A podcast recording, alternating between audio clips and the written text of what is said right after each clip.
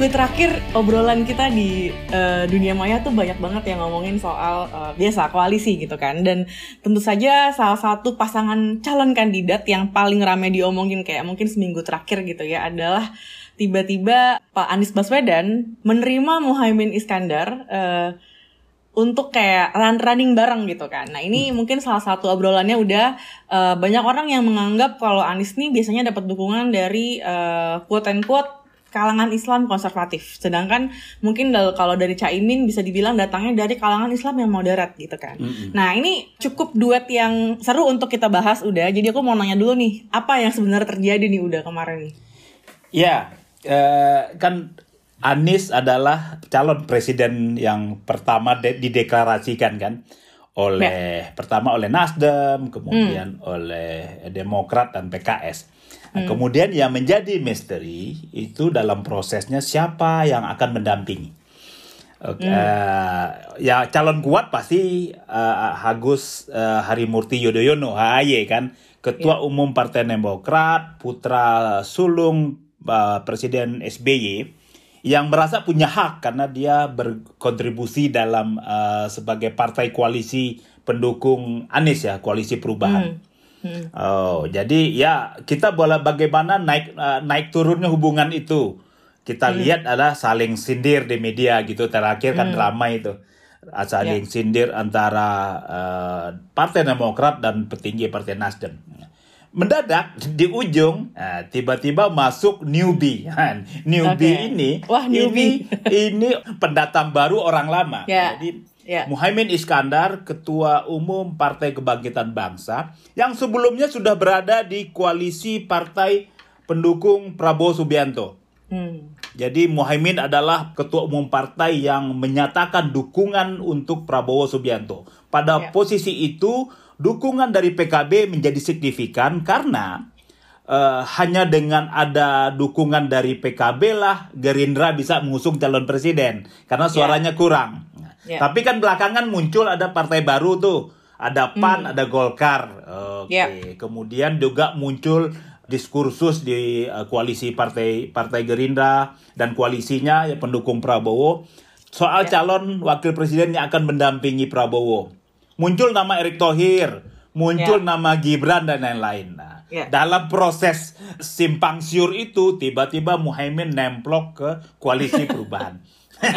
ini menarik memang. Jadi ya NU kita tahu lah Islam moderat, kemudian Anies sangat identik dengan politik identitasnya kan di 2000 2017 ya ketika pilkada yeah. DKI dan juga ada PKS di dalamnya. Nah, ini menjadi baur, menjadi satu gitu. Jadi jadi mengejutkan sekaligus menyakitkan mengejutkan yeah. bagi publik, menyakitkan bagi HAY dan SBY yeah. dan petinggi Partai Demokrat gitu. Jadi jadi ya ini dinamika kita berkali-kali menyebut bahwa masih sangat cair, masih sangat berubah dan ini yeah. adalah perubahan yang sudah mulai muncul meskipun ini sangat drastis perubahannya. Ya, ya, oke. Okay. Nah, udah aku mau nanya nih, karena kita tadi udah udah menyebut uh, reaksi dari Pak SBY dan juga AHY gitu kan tentu saja dia uh, mereka kecewa gitu ya. Tapi mau tahu dulu nih, apakah emang Demokrat tuh nggak tahu apa pergerakannya dari uh, merapat ke Pak Anies ini atau gimana udah? Ya, sebetulnya ini sudah sudah apa dalam tiga minggu terakhir, Lisa, ya. sudah mulai menaik nih apa suhu antara Demokrat dan Nasdem. E, mereka Demokrat itu mempersoalkan Nasdem yang memang tidak menginginkan HAI hmm. sebagai wakilnya Anies. Uh, Anies terjepit yeah. di tengah-tengah, makanya muncul surat itu loh, surat yeah. tulisan tangan dia itu yeah. yang menyatakan saya mengharapkan Mas AHY siap mendampingi. Dan kemudian beredar kan. Jadi pada posisi Demokrat mendesak, merengsek betul agar HY hmm. jadi wapr, uh, jadi wakil eh, calon wakil presiden Anies. Sementara uh, Nasdem itu mencari-cari terus siapa hmm. yang cocok, siapa. Jadi uh, mulai berbagai nama muncul.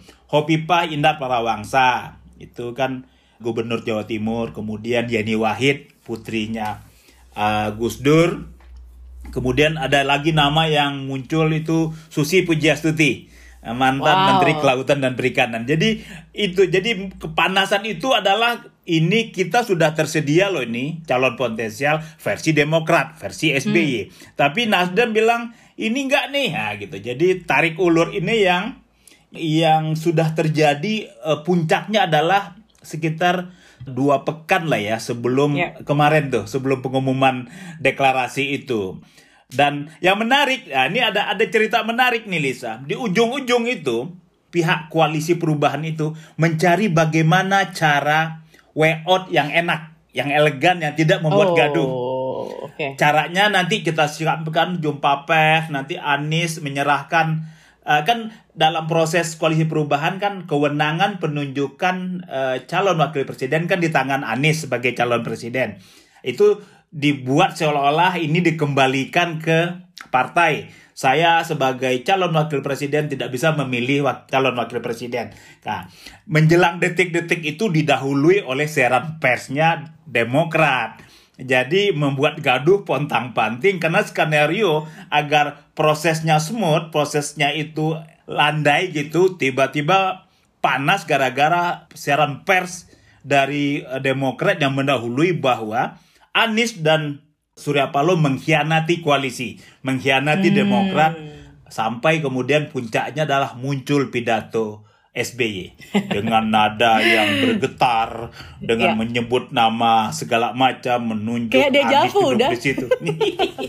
tapi tapi ini sebagai sebuah drama menarik. Jadi kita ya, nikmati ya. saja.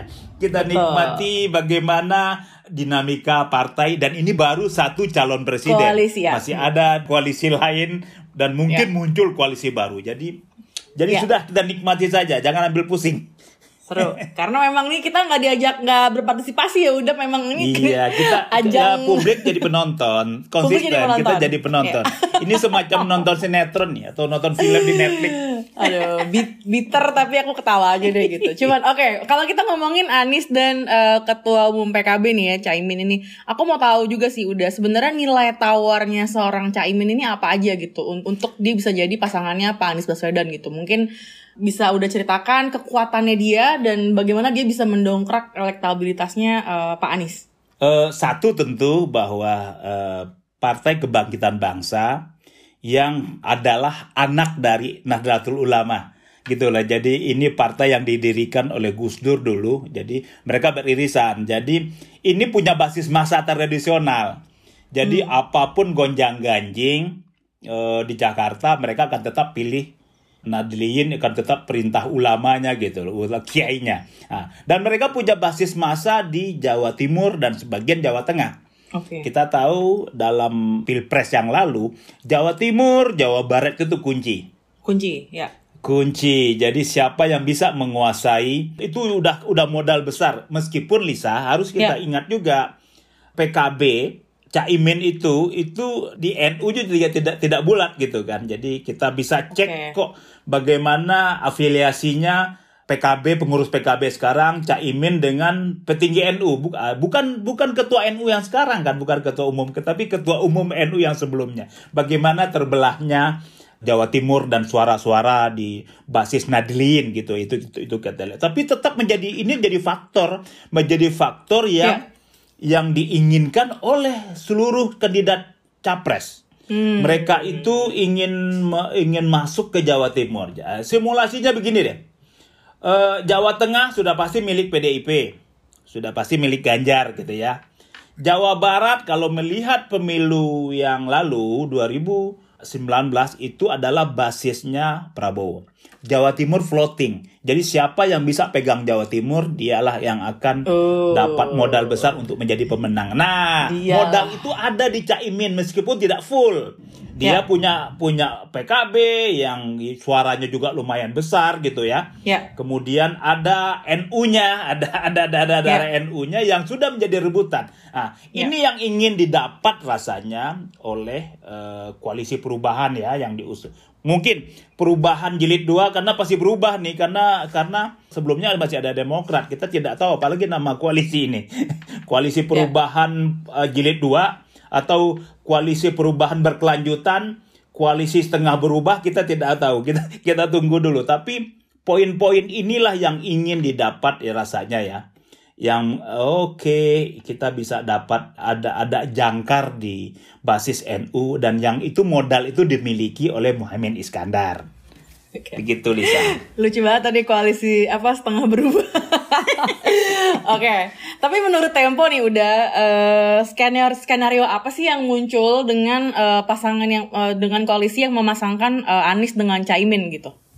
Iya, uh, kita masih cukup panjang, masih Oktober, penutupan masih pertengahan November ya, penutupan uh, pendaftaran calon presiden wakil presiden masih sangat cair. Nah, gitu. Jadi kalau ada orang yang menyebut ini kandidat kuat capres dan cawapres uh, koalisi A, B, C dan D itu masih sangat cair, Lisa.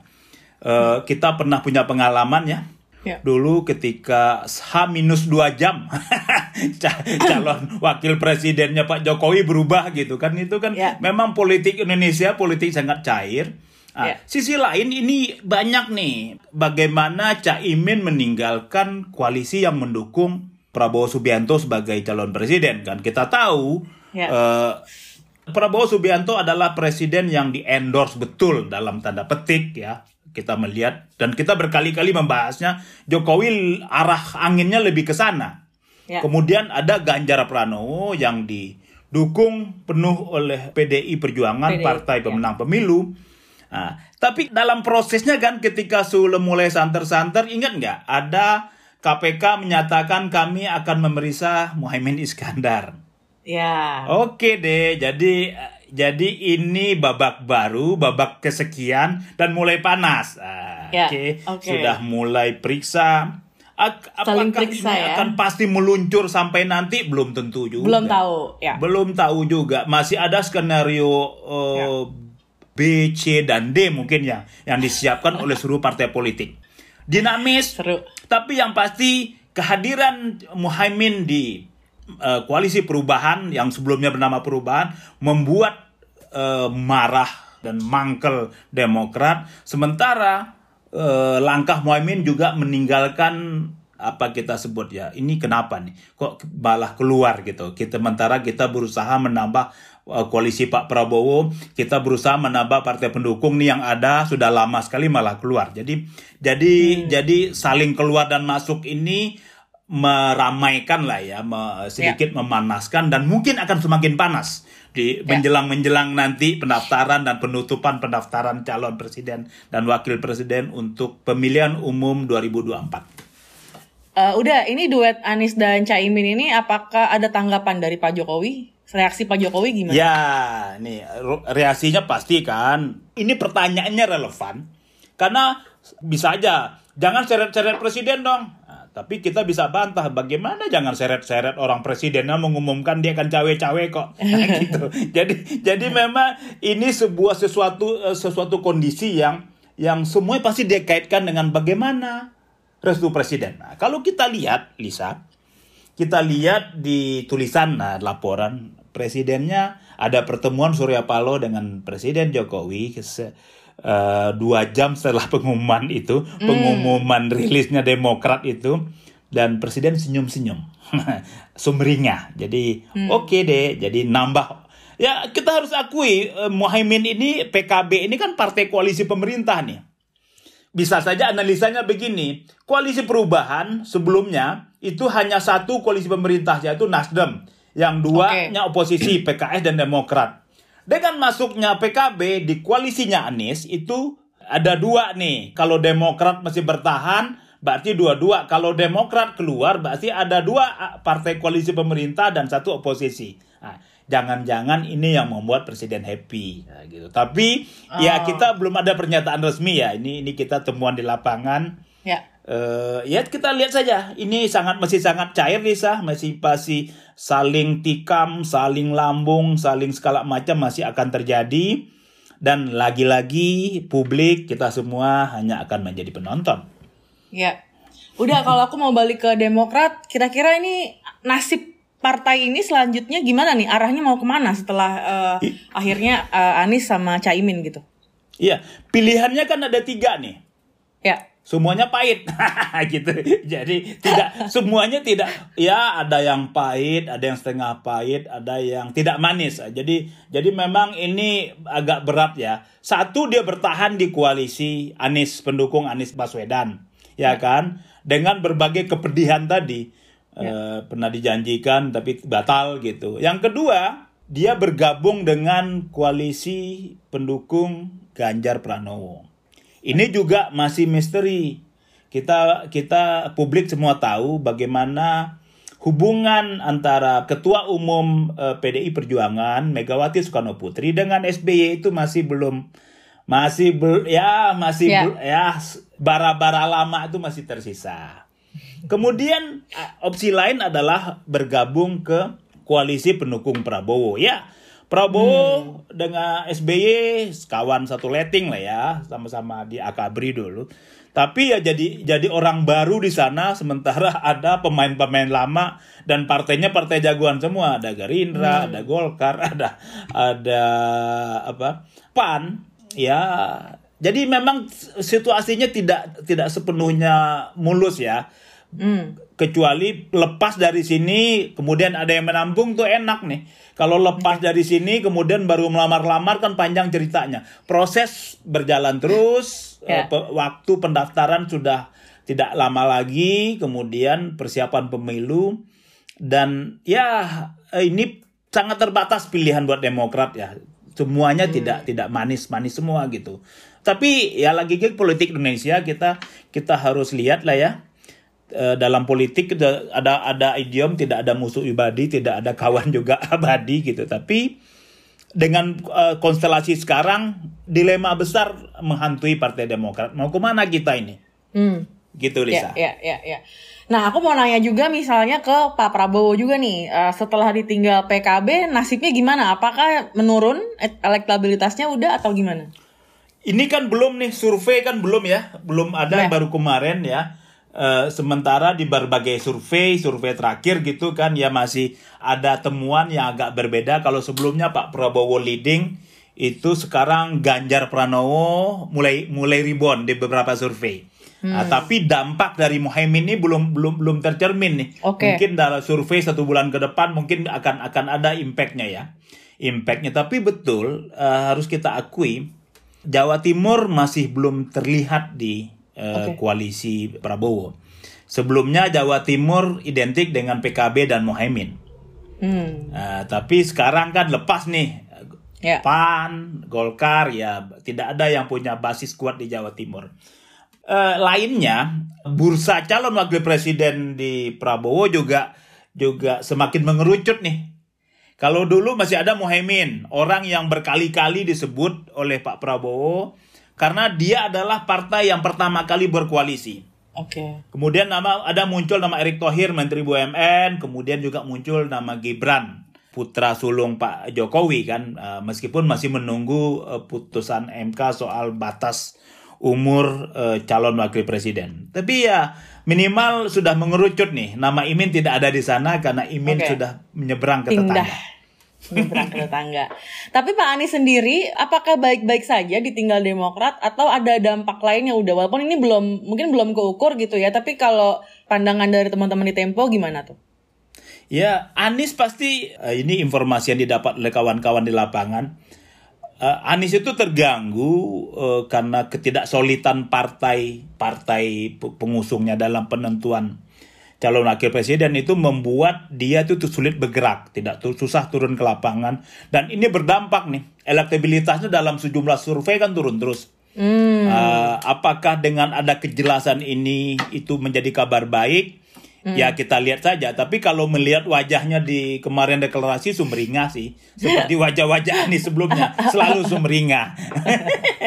Tapi uh, jelas masih panjang ya, masih panjang Lisa. Ya ini masih sangat cair, bisa saja berubah. Mm -mm.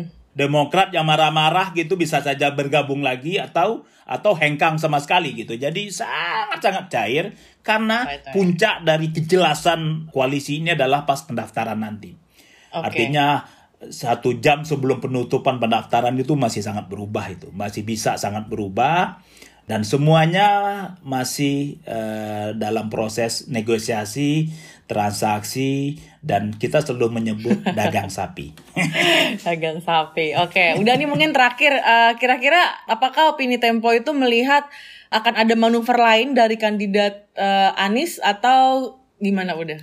Uh, ya di opini Tempo kita menyoroti bahwa oke okay, politik itu yang uh, semestinya itu merupakan sebuah yang berharga. Virtu itu di tangan para para politikus juarakan partai lah kita menyebut ya. Ini menjadi tidak bermakna lagi. Karena apa? Karena hmm. hanya kepentingan mereka sendiri. Lagi-lagi konsisten sikapnya lah. Publik ditinggalkan, ini kepentingan para juragan partai dan melihat bagaimana uh, manuver-manuver yang terjadi manuver susulan masih sangat mungkin terjadi. Hmm. Sulit ditebak ini karena apa? Karena basisnya bukan kepentingan publik. Hmm. Kalaulah pilpres atau penentuan calon presiden atau calon wakil presiden berdasarkan gagasan, ide untuk memajukan Indonesia atau Republik ini itu enak tuh, nggak mungkin berpindah. Tapi kan tidak muncul sama sekali. Ini hmm. lebih murni kepentingan penguasaan suara, kepentingan bagaimana maunya para ketua umum partai, uh, deal-deal dengan penguasa, dan ya jadi seperti ini, uh, saling lompat, saling loncat, saling tinggal, terjadi begitu sangat cepat dan mudah, dan kita ya. harus siap hati menerima itu akan terus terjadi sampai nanti penutupan pendaftaran calon presiden dan wakil presiden. Oke. Oke, ini seru banget udah obrolan kita kali ini karena uh, ngomong-ngomongin calon kandidat tuh orang pasti selalu langsung kayak apalagi ini Pak Anies yang uh, pertama ya mengumumkan calon uh, wakil presidennya gitu. Jadi uh, ini hot topik hot dan kita tunggu lagi nih pasangan-pasangan lain yang mengumumkan pasangannya juga gitu. Kita mah sebagai rakyat ya nonton aja ya nonton ini kayak tadi udah bilang kita anggap kita sinetron. menonton mereka sambil menonton gitu.